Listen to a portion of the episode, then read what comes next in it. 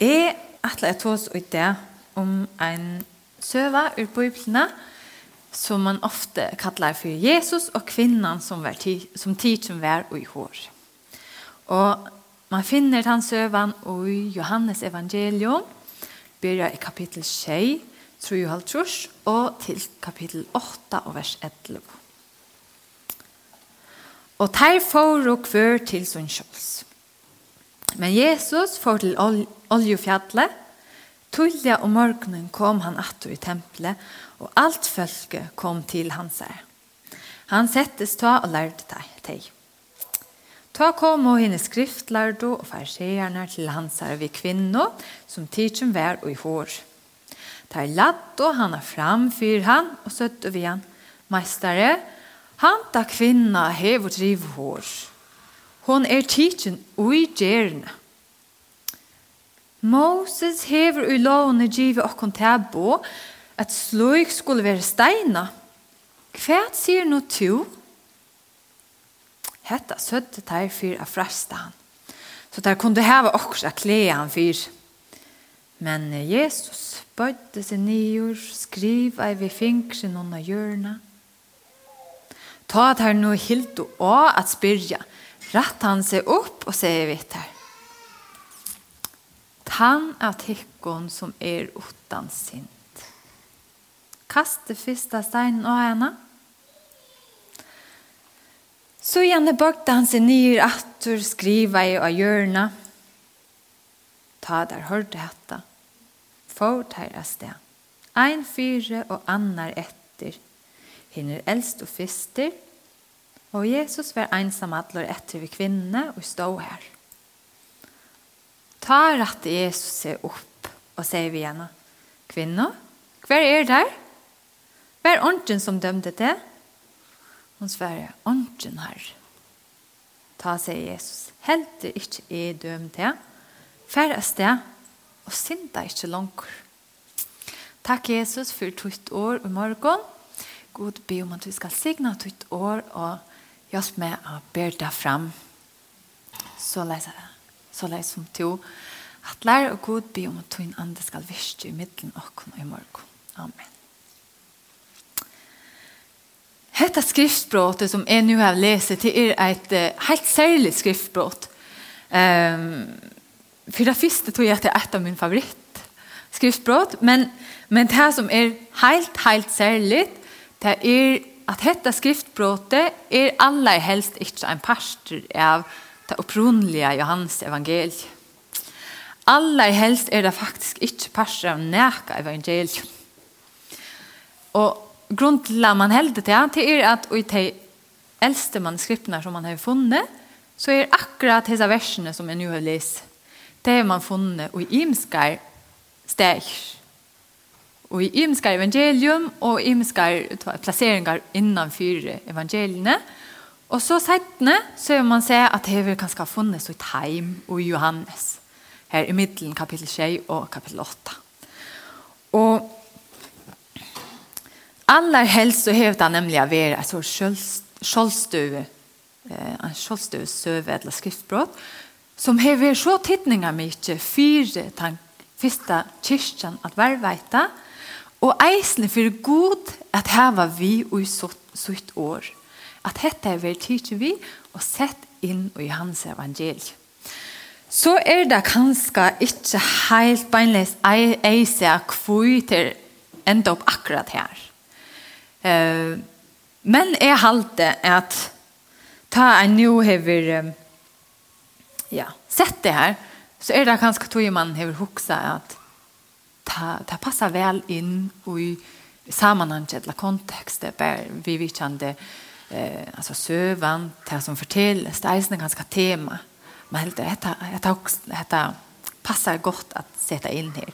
Och om jag ska nu röjna att ge ett bo på kvui, kvui det passar in här, det kan vara något ting, men ett som jag har huxat om, det är att eh, man kan ganska söka det i sammanhang vid dom.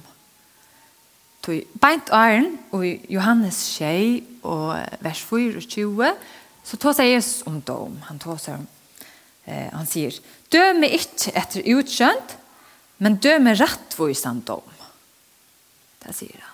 Og så beint 18 nå, kapittel 8, vers 15-16, så sier han Tid døme etter holden om, er døme ångan. Og om så er døme, er dommer min rattor, Toi jeg er ikke ensam at nei, vi mer er feieren som sendte meg. Så kanskje har man sett han han søvan i middelen her, for akkurat som vi er et eh, eksempel eller en illustrasjon på, på hvordan dømer vi, altså folk, Toi, det gjør vi ofte, vi dømer placera folk innanför gymska boxer och vi dömer dig det här skulle inte görs det är det göra vi dömer folk och så är det för er det egentlig som är rett til å døme? Det er ganske anker helt annet. Um, ja. Så selv om dette skriftbrottet er det enaste, altså ofte så finner man en søve i et evangelie, og så forteller henne evangeliene eisene, den samme søven. Så er dette det eneste skriftbrottet som vi teva om henne søven. Likevel så kunne vi kjenne noen ting etter, ja? Uh, til dømes det er skriftlærde farserene som kommer, og de røyna frasta Jesu, de røyna akkurat som tøntjan opp og i et hjørn. Um, en tydelig, en sånn, kallet det ofte for en strus samtale, eller en strui det skriftlærde farserene og Jesu. Eh, ta finner vi ta ta man tror om evangelisten og Markus og Matteus og Lukas. Ehm um, de kallas ofte för synoptikerne. Och det er tror jag att tar man sammanber, tar man sammanber evangelierna sätter de opp ved sånne rækvennene, så är Matteus, Markus och Lukas lustas helt öliga nog. Alltså kanske också man inte om det där man läser bara men eh, man kan få en sån synopsis, et eller annet det Och ta er, du vet, evangeliene sett vid siden av hverandre, Og tar man sørge etter tror man evangeliene, så det er helt øyelig som det er løyest oppbygging, hver søver er vi, åra vel, alt, altså det er så, det er ordentlig, altså det er løyest ordentlig, og Johannes evangeliet stinker seg borsjur. Det er ikke det samme søvende som er vi, ganske ikke samme tematikken og alt mulig. Og lukka mye. Eh, Og i hesa tro i evangeliet så finner man en søva, um, en sånn strusamtale, eller hva som man kallar det. Og her forskjellig fresta Jesus. At han leser versjonen som Lukas hever. Eh, det er ur Lukas 20, og vers 20 til 26 stendt. Og ta at jeg hadde haft egene etter honom enn at tog, sende där lurere som låtst at vara rättvisor til å fange han i åren så där kunne geva han upp til iveltna og i händ til landshövdingans. Da spurte han, Mästare, vid vid att du talar og lär rätt och gärst inte mannamon. Ordelig smyger, altså. Men lær vi Guds og i sannleika. Er okkon löjligt at leta skatt til kejsaren, etla ikkje, Men han var vær vi svik teira, og sier vi der. Hvor fresta dit med? Hvor som er enten nær? Hvor som mynd og iverskrift ber han? Ta svarer jeg, keiserens. Ta sier han vitt der. Så djeve ta keiseren til, og keiserens er, og gode til og gods er. Det var ta ikke før for å fange han i åren, så folk, så folk ikke hørte, og det der omdraust og svær hans her og takt Hetta kjenner vi attra. Hetta uh, i skriftbrott om Jesu kvinna. At her skriftlærde og farserene til koma vi en agenta. Ligger okkurs under. Det gjør så blodjer mot Jesus, røyner, du vet at Jesus, sier vi han, akkurat som at de atla lærer okkurs fra noen. Men egentlig så bøyer at de bærer etter at fengen, at han skal si noe, og så her var vi. Her var det. Nå, og ikke vet at. Og, og jeg halde til er ordentlig understryke at det har faktisk tid en kvinne vi. Så det er, om det nå var å iva om en mål og kom til han som mester at la spyrja hva skulle vi gjøre så vi det her fanget en kvinne og gjør vi vet ikke ordentlig hvordan vi skulle gjøre hun eier steinas men hva sier du? Så er det ikke kommet draksande vi henne. Hetta er en sånn, hetta skal være allment. Akkurat som man til et oppgjør, til her, til nu, og du skal tekast. Jeg synder så Leisa. Og, um, og for å være ærlig, så heter det nok så gammel case. Tog at hva skal Jesus være? Hva? Loven sier at kvinnan skulle steinast. Det här var ungen i om det som hon är görst. Og om Jesus nu var en profeter, eller ganska mer enn det så kunne han ikke sitta seg opp mot loven. Samstundes så er Israel under romersk valde, är inte fullt dömt till att döma. Så det kunne jeg slett ikke gjøre. Og kanskje enn verre, Jesus, han hever så en, kan si, image.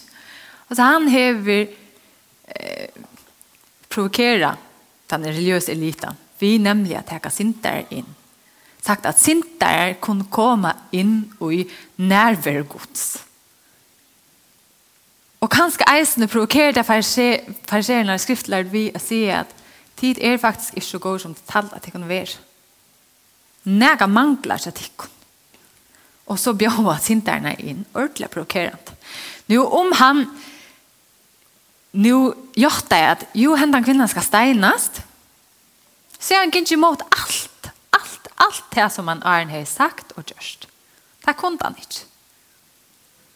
Og jeg halte at det til at jeg har hoksa, at nå skulle jeg få Jesla røyna, slippe seg på sjur av steinen av kvinnen, og så kunne jeg akkurat han for at jeg ikke følt til å sette seg opp og imot og mås låne, og, og til jødiske skikkene. Og det som det ikke hadde ventet, det var at Jesus han ventet ødel. Og de som rønte å døme, de måtte selv fære hvis de dømte. Helt fantastisk. Og det som er enn mer fantastisk er at søvann enda ikke her. Det er nå søvann nær så et hadderpunkt. Det er i et løftsbråtende møte mellom kvinnan og Jesus. Og i dette hadderpunktet og Jesus møter vi det sinte kvinna, så er eisen neka som man kanskje kjenner atterfra, er sjøver. Her Jesus møter sinte og kanskje særlig syndige kvinner. Og et døme til er i Lukas, kapittel 6, vers 6 og 3 til halvtrus. Kunne vi et eisen lese. Ein av farseeren ber han komme og eta tjaser. Han får ta inn til fariseren og sette seg til bors. Så her er et annet utgangsdøve, altså det er helt klart. Det er ikke en strøy eller til røyne en men det er en innbjøring, Jesus kommer. Altså Jesus bjøver inn, og han tekker av. Målt. Og her i byen hun var synda for til kvinna. Da hun fikk vite at han satt til bors hjemme til fariseren og kom hon vid alabastkrukk og vid salvo og stod attan fyrir han vid fötter hans där grät och för att veta fötter hans vid torren så innan torska ett här vid har så innan kiste fötter hans och salva ett här vid salvne ta nu farseren och ge boj honom in så hetta säger han vid sig själv hon. Alltså var som profeter så visste han kvör och hos enda kvinnan är och nämner vi han att hon är syndafull kvinna. Ta tok Jesus til året, sier vi han. Simon, eh, er han nære sida, vet du? Han svarer, mastere, sida. Ein mever og i land ut pening, åtte tjattveimon.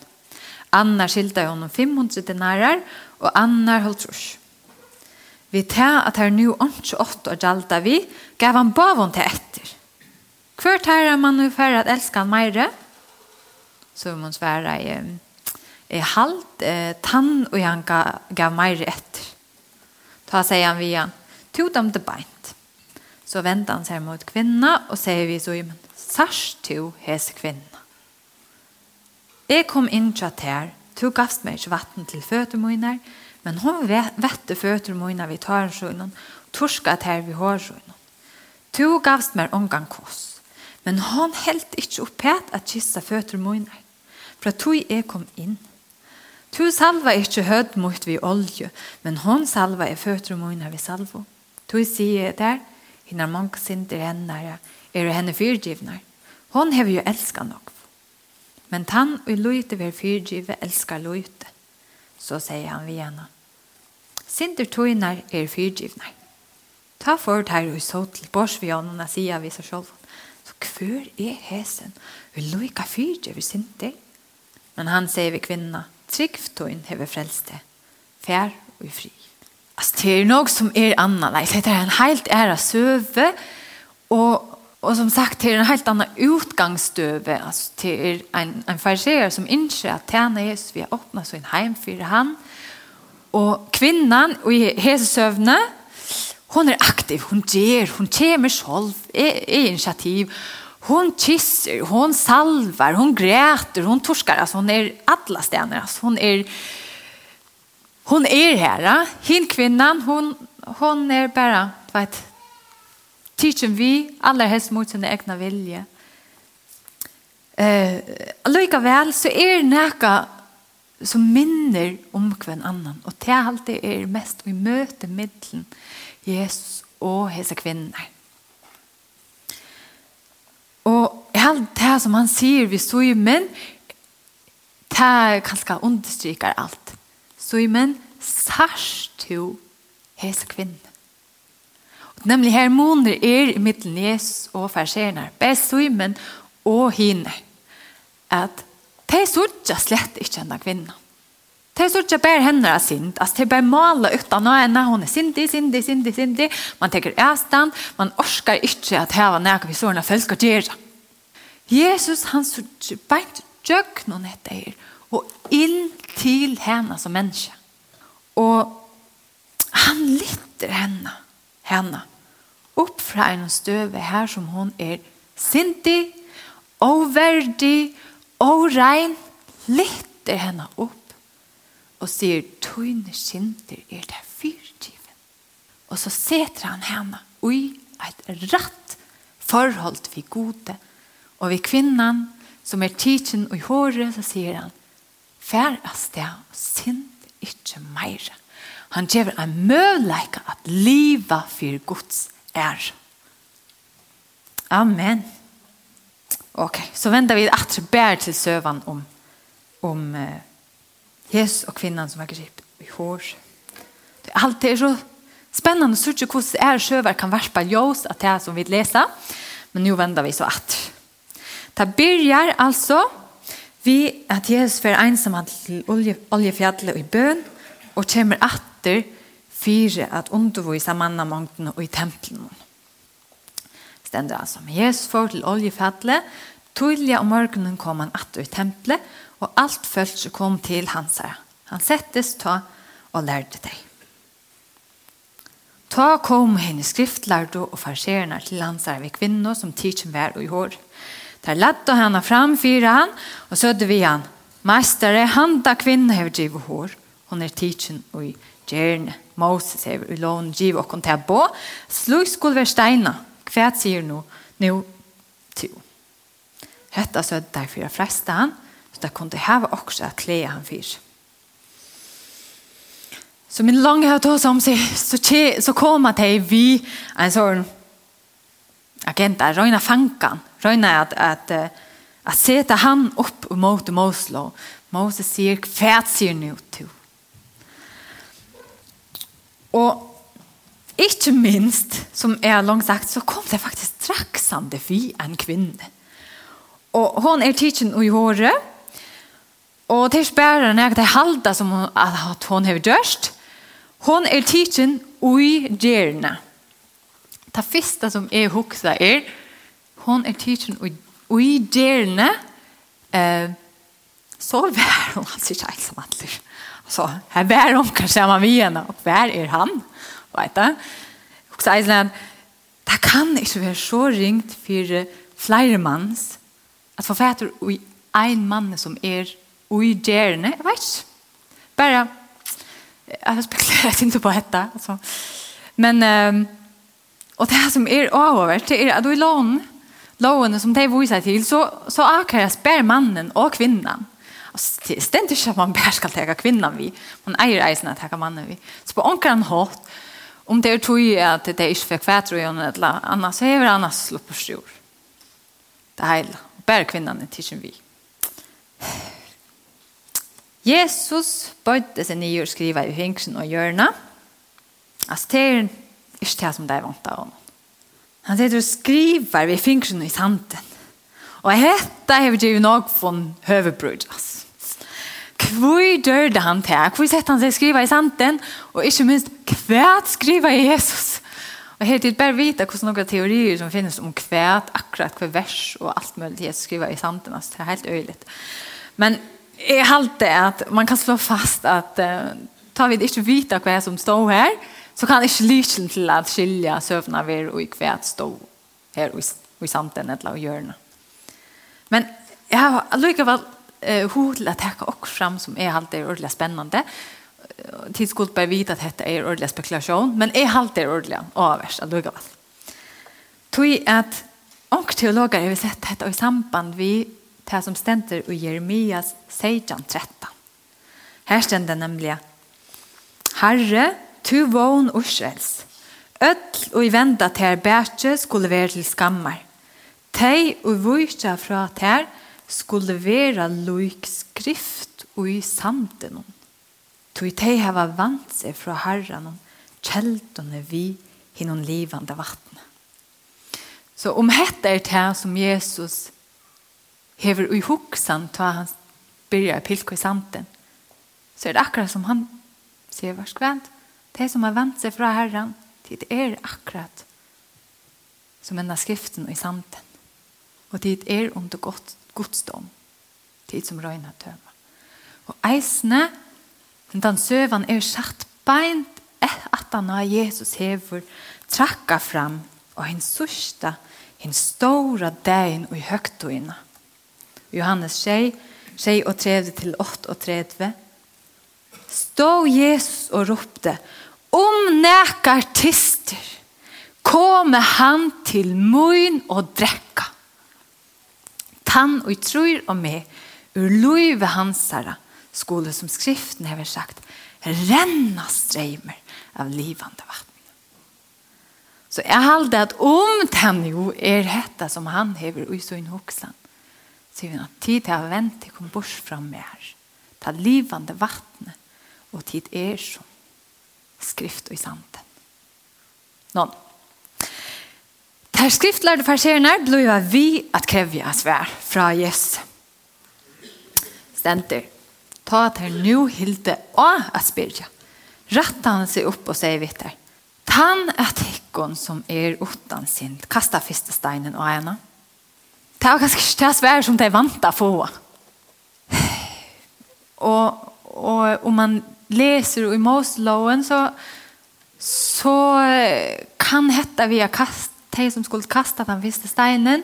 Leser i 5. Mosebok, Seidjan, um, og vers 6, så sender at først skulle vittne litt av håndene til at jeg kan ha døv om, og så igjen alt følger så lei skal du beina bort hit ønda fra deg. Så til å være vittnene som først skulle til steina, og så skulle alt følge til steina.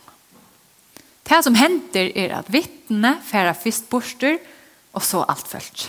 Akkurat øvått. Og hva er det vi Jesu ord som dømte deg? Tann utan sint. Tann utan sint.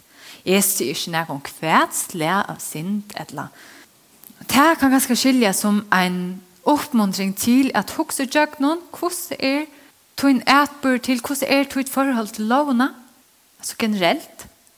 Og om det er nu ikke gæl her gjørst, alt så et lov Fyllt lovene til punkt og prikke, alt så et lov Så er Teira a etbor einans og hes målen mot kvinnan som er tidsen og gjøre nok til at til at døma det. Tui at teir er sverna rett fram og det er helt ikke samme intensjon eller ja, intensjon som loven hei. Og i et slukt mål, og i et tullet mål, så skulle det fyrt det første bare med og kvinner være akkurat. Ikke bare kvinner. For det nästa skulde framman undan hever give avværinger. Hva hetta fekk fyrir avlæringar, hvordan, ja, og om nu at menneske ikkje lusta etter Guds lov, heller ikke etter rattlæring fra menneske, så skulde sint og godløse haldas vekk fra Israel vi steinig. Nok så harsht. Men her var i intentionen og i lovene eisene at verveita teira andliga støv. At gjeva teir avværingar, hjelpa teir å retta lei fist. Kvært var enda malet at han skriftlærte om farserene. Det er slett ikke å ha over kvinna. Altså, hon var bare sånn mye for at oppnå et mål om at teka Jesus Alltså hon var inte alltså om hon var steina ett leiststein att det var lika mycket alltså det var inte det som det var intresserade av. Det var intresserade att tacka Jesus. Och, och det är så lätt till åkon att vi är som tajm. Att bruka människor. I stedet för att sudja dig. Onke du kan ganska så boja vi bär till onkel Jerna kan skrift. Och så säger vi bär. Jag vet vad. Säg det. Alltså jag säger det. Ta hon för in här. Alltså visst det för får hända. Då han valde detta här. Sjolvande för det enda galle. Visst det. Och kväd är okkara målta. Visa hur så förträfflig vi är. Röjna att hävja jag komma på mig säger som. Du vet. Det gång så gott så där. Men alltså säger det og jeg har rett. Og vi tar faktisk ikke åhua for det mennesket som vi tåser om. Det er ikke åhua for det mennesket som vi hevja kun iver. Vi atler ikke at stola det, ikke at hjelpe det. Og om vi stola eller hjelpe det, så er det for at vi er vittne til det som enda gale. Så at vi kanskje kan si, ja, jeg visste det kanskje eisen sier vi hinner at hva skal jeg være her, altså, hun tar kiksa ordentlig at jeg runda hjelpa, men du varst altså, hun har flest. Nei, halte vi skulle stretcha och etter at det hava Jesus sin. Hva gjør han? Han ver ensamhet ensamadler etter vi kvinna og stå her. Ta rett til Jesus seg opp og se vi henne. Kvinna, hver er der? Hver ånden som dømte det? Hun sverer, ånden er det. Ta seg Jesus, helt det ikke er døme til. Færa sted og synda ikkje langer. Nå er hon ikkje bare et mil, et instrument for at oppnå en agenda. Jesus litter henne opp, ser henne inn i egene, og bekrefter henne posisjon som menneske. Jesus innskjer at nema vi menneske av liv. Og her er Jesus alltid og i møter vi okko. Han ønsker at nema vi okkara liv. Og han teker henne i olvore. Han leter henne selv gjort at nei, ånden har dømt meg. Ånden har givet meg fordøming. Det er faktisk ein, bare ein, som kan, som eier å døme henne. Og det er han som er utan synd. Jesus. Og hon vet det vel. At han kan godt døme ham. Tog sier han, jeg dømer det helt ikke.